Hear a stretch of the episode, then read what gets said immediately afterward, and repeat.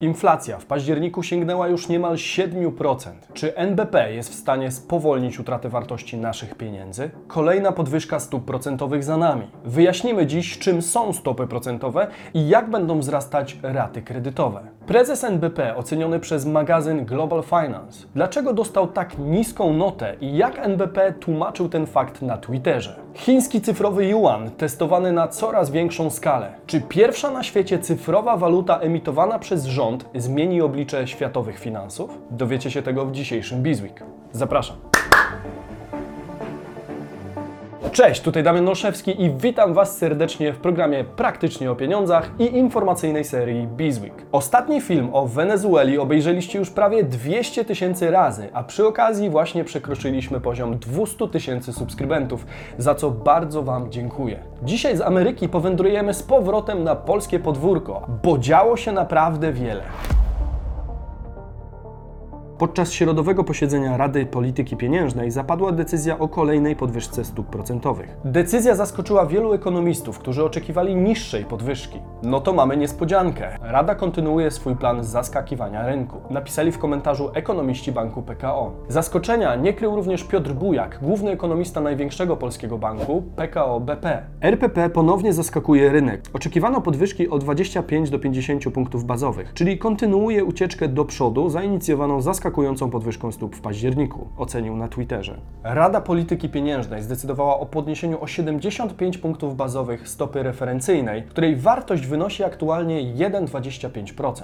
Pozostałe stopy procentowe będą wynosić odpowiednio stopa lombardowa 1,75% w skali rocznej, stopa depozytowa 0,75%, stopa redyskontowa weksli 1,30% i stopa dyskontowa weksli 1,35%. Tutaj widzicie wykres prezentujący zmianę stóp procentowych od 2011 roku, gdzie ich poziom potrafił być w okolicy 4-4,5%. Zatem stopy procentowe dekadę temu były na znacznie wyższym poziomie niż teraz. Wówczas mieliśmy do czynienia ze zdrową polityką pieniężną, którą kreowała RPP za kadencji Marka Belki jako prezesa Narodowego Banku Polskiego. Zdrową polityką pieniężną określam sytuację, w której stopy procentowe są wyższe od wskaźnika inflacji. To zresztą możemy zauważyć porównując wcześniejszy wykres z zestawieniem inflacyjnym. Dla lepszego zrozumienia, czym są stopy procentowe oraz jak mogą wpłynąć na życie przeciętnego Kowalskiego, postaram się pokrótce wyjaśnić ten mechanizm. Stopę procentową można w uproszczeniu określić jako cenę pieniądza, jaką trzeba zapłacić za jego pożyczenie. Stopa procentowa wpływa na to, w jakiej cenie bank będzie skłonny pożyczyć nam pieniądze,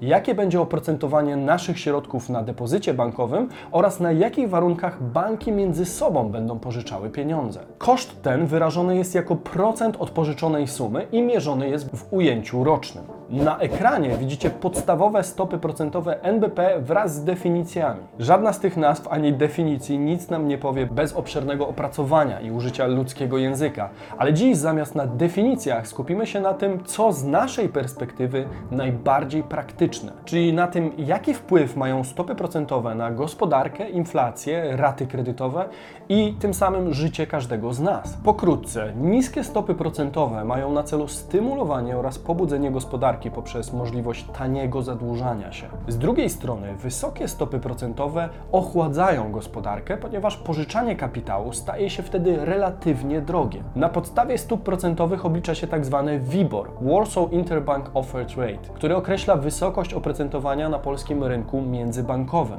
Jak to się przekłada na raty kredytowe przeciętnego Kowalskiego? Otóż większość kredytów hipotecznych w Polsce oparta jest na zmiennym oprocentowaniu, zresztą gotówkowych także. W kredycie ze zmiennym oprocentowaniem odsetki, jakie płacimy, zależą od dwóch składowych: od marży banku oraz od wskaźnika z rynku międzybankowego, czyli właśnie WIBOR 3-miesięczny bądź na przykład WIBOR 6-miesięczny. Marża banku jest z zasady elementem niezmiennym w okresie umowy, a za zmienność odpowiada cena pieniądza na rynku międzybankowym, która jest powiązana ze stopami procentowymi ustalanymi przez Radę Polityki Pieniężnej. Tak więc warto pamiętać, że z racji zmiennego oprocentowania raty kredytów będą wzrastać, kiedy podnoszona będzie stopa procentowa. Najnowsze wyliczenia, ważne dla polskich kredytobiorców, są opracowane przez ekspertów Polskiego Instytutu Ekonomicznego. Wskazano, jak wzrosną raty kredytów hipotecznych. W przypadku kredytu o wartości 500 tysięcy złotych, wzrost miesięcznej raty to prawie 200 złotych. Mnożąc to przez liczbę pozostałych rat do spłaty, może wyjść całkiem spora kwota. Reasumując, pomimo najnowszego ruchu RPP, stopy procentowe wciąż są niższe niż przed kryzysem covidowym. Na wiosnę zeszłego roku RPP zapoczątkowała luźną politykę pieniężną, ścinając koszt pieniądza z 1,5% do zaledwie 0,1%. Aktualnie wynosi on 1,25% i w obliczu bardzo wysokiej inflacji dalsza podwyżka stóp procentowych jest wysoce prawdopodobna. Podobny scenariusz widzimy obecnie choćby w Czechach. Narodowy Bank Czech po raz czwarty z rzędu podniósł stopy procentowe. Nasi południowi sąsiedzi ponownie potężnie zaskoczyli rynek, dokonując podwyżki znacznie wyższej od oczekiwań. Decyzją Narodowego Banku Czech referencyjna stopa procentowa została podwyższona z 1,5% do aż 2,75%. Również o 1,25 punktu procentowego wzrosła stopa lombardowa do 3,75%, natomiast stopa dyskontowa wzrosła z 0,5% do 1,75%. Ostra podwyżka stóp procentowych wywindowała je znacznie powyżej poziomu obowiązującego tuż przed pandemią. Po raz ostatni stopy procentowe w Czechach były wyższe w 2008 roku, co jest fenomenem w Europie. Przed niedawną decyzją ekonomiści powszechnie zakładali, że listopadowa podwyżka zamknie się w okolicach pół punkta procentowego. Warto dodać, że już pod koniec września CNB solidnie zaskoczył rynek podnosząc cenę pieniądza o 0,75 punktu procentowego, przy oczekiwaniach na poziomie 0,5%. Naturalnym skutkiem tego posunięcia czeskiego banku centralnego było wyraźne umocnienie się korony czeskiej wobec innych walut. Kurs euro-korona spadł z 25,55 do 25,40. Ponadto umocnienie się waluty naszych sąsiadów widać też na parze korona złoty. Jedna korona kosztowała w czwartek po południu 0,181 zł wobec 0,1795 zł rano.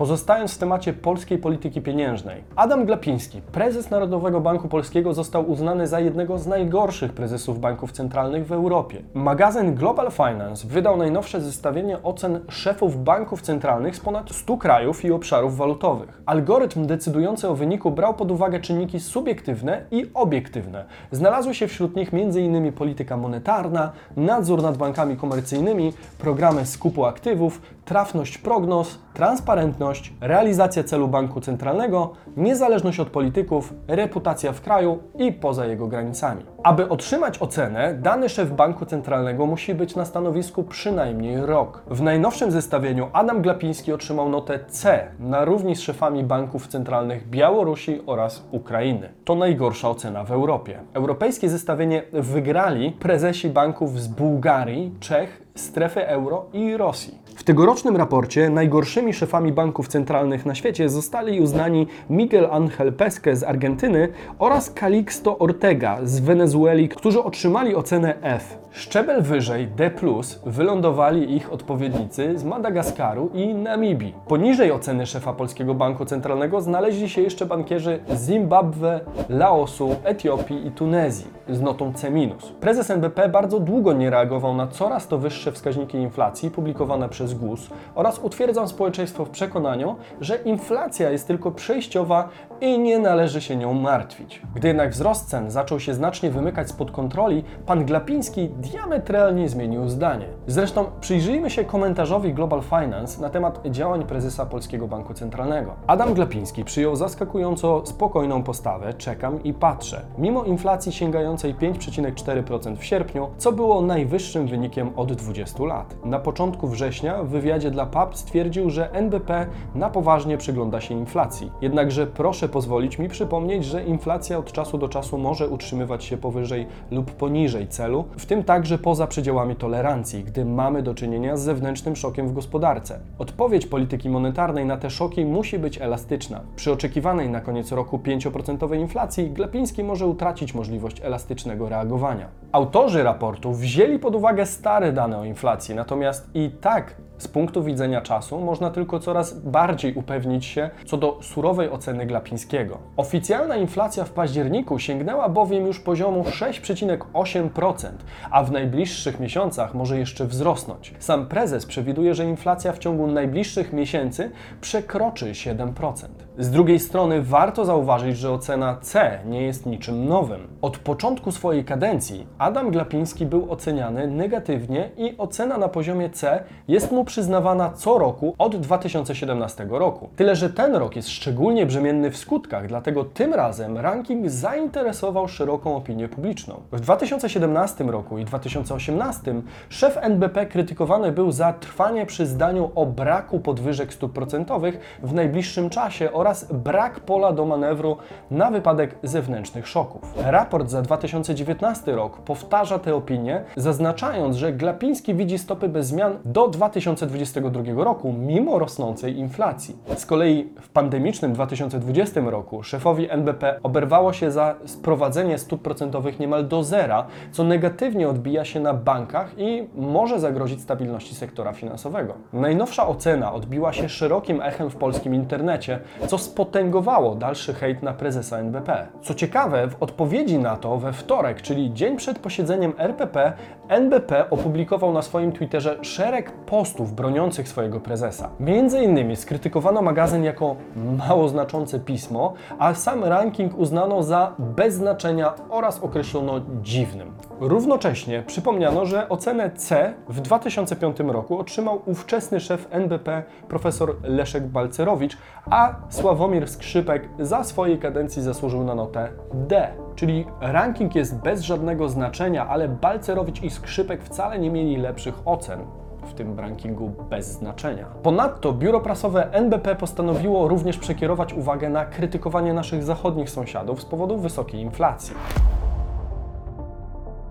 Kiedy zobaczymy apogeum inflacji w naszym kraju? Tego do końca nie wie nikt, ale prognozy są następujące. Prezes NBP przewiduje, że szczytowego poziomu inflacji możemy się spodziewać w styczniu 2022, gdzie może ona wynieść 7% albo i więcej. Od tego momentu inflacja według prognoz ma maleć. Ja akurat nie byłbym tego taki pewien, ponieważ to brzmi jakbyśmy mieli wyjść z tego stanu z miesiąca na miesiąc. Spotkajmy się w tym miejscu w styczniu, bo czas i tak minie. Obstawiam, że inflacja w styczniu czy w lutym nie wyhamuje, a jak Wy uważacie, napiszcie w komentarzu. Ponadto na konferencji prasowej Glapiński oznajmił, że było jasne, że przy wychodzeniu z kryzysu będzie podwyższona inflacja oraz że w jego ocenie zjawisko tej inflacji ma charakter globalny i ma to do siebie, że jest wyższa w krajach, które uniknęły głębszej recesji i rozwijają się szybciej. Jak dodał prezes NBP, dzięki zdecydowanej reakcji Banku Centralnego i rządu udało się uchronić gospodarkę przed długotrwałą i głęboką recesją. Zastosowano ogromną stymulację fiskalną, ogromne wydatki rządowe i to te wydatki zapobiegły katastrofie gospodarczej na wielką skalę, porównywalną z Wielką Depresją z lat 30. Trzeba przyznać, że sytuacja rzeczywiście ma charakter globalny, a masowy dodruk i niszczenie pieniądza działo się na niespotykaną dotąd skalę. Natomiast reagować na rozpędzającą się inflację można było zdecydowanie wcześniej. Na wiosnę świat obiegła informacja, że chińskie władze eksperymentują z własną, scentralizowaną walutą cyfrową, która może wstrząsnąć światowym systemem finansowym, osłabić dominację dolara i ograniczyć wpływ amerykańskich sankcji. Chińscy urzędnicy mówią o suwerenności walutowej, ale pojawiają się też opinie, że jest to największe zagrożenie dla Zachodu od dziesięcioleci. Wirtualne waluty mogą zreorganizować fundamenty systemu finansowego w podobny sposób, jak Amazon odmienił sprzedaż detaliczną, a Uber zatrząsnął branżą taksówkarską, pisze amerykański dziennik Wall Street Journal. W rozwoju takiej waluty Chiny wysunęły się na prowadzenie. Mogłoby się wydawać, że pieniądze są już cyfrowe, ponieważ karty kredytowe i aplikacje płatnicze eliminują konieczność noszenia w portfelach banknotów i bilonu. Są to jednak zaledwie narzędzia pozwalające na elektroniczne przekazywanie pieniędzy. Chiny pracują natomiast nad całkowicie wirtualnym, legalnym środkiem płatniczym. Nadejście wirtualnych pieniędzy zwiastowało pojawienie się bitcoina i innych walut kryptograficznych. Te jednak funkcjonują poza tradycyjnym systemem finansowym i nie są pełnoprawnymi środkami płatniczymi uznawanymi i wydawanymi przez rządy. ECNY różni się od kryptowalut. W przeciwieństwie do zdecentralizowanego bitcoina zarządza nim chiński bank ludowy. W związku z tym nie zapewnia użytkownikom pełnej anonimowości, lecz wręcz przeciwnie, daje władzom dodatkowe możliwości śledzenia przepływów finansowych w czasie rzeczywistym. W tym tygodniu zostały opublikowane dane Ludowego Banku Chin, z których wynika, że cyfrowy pieniądz banku centralnego jeszcze przed startem przetestowało 140 milionów osób fizycznych. Dodatkowo otwarto 10 milionów rachunków dla przedsiębiorstw. W porównaniu z końcówką czerwca liczba ta wzrosła trzykrotnie. Poprzednio bank raportował 34 miliony kont CBDC. Data oficjalnego startu cyfrowego pieniądza chińskiego banku centralnego nie została jeszcze wyznaczona, natomiast już teraz widać, że testy mają masową skalę. Jeśli ten projekt uda się Chińczykom, to już niebawem będziemy mieć do czynienia z ogromną rewolucją w świecie finansów. Nie mogę się doczekać. Mówił Damian Olszewski, a to był Bizweek. Subskrybujcie, aby być na bieżąco ze światem biznesu i finansów, a jeśli podobał Wam się ten odcinek, zostawcie hasło Bizweek w komentarzu. Do zobaczenia w niedzielę o 15. Cześć!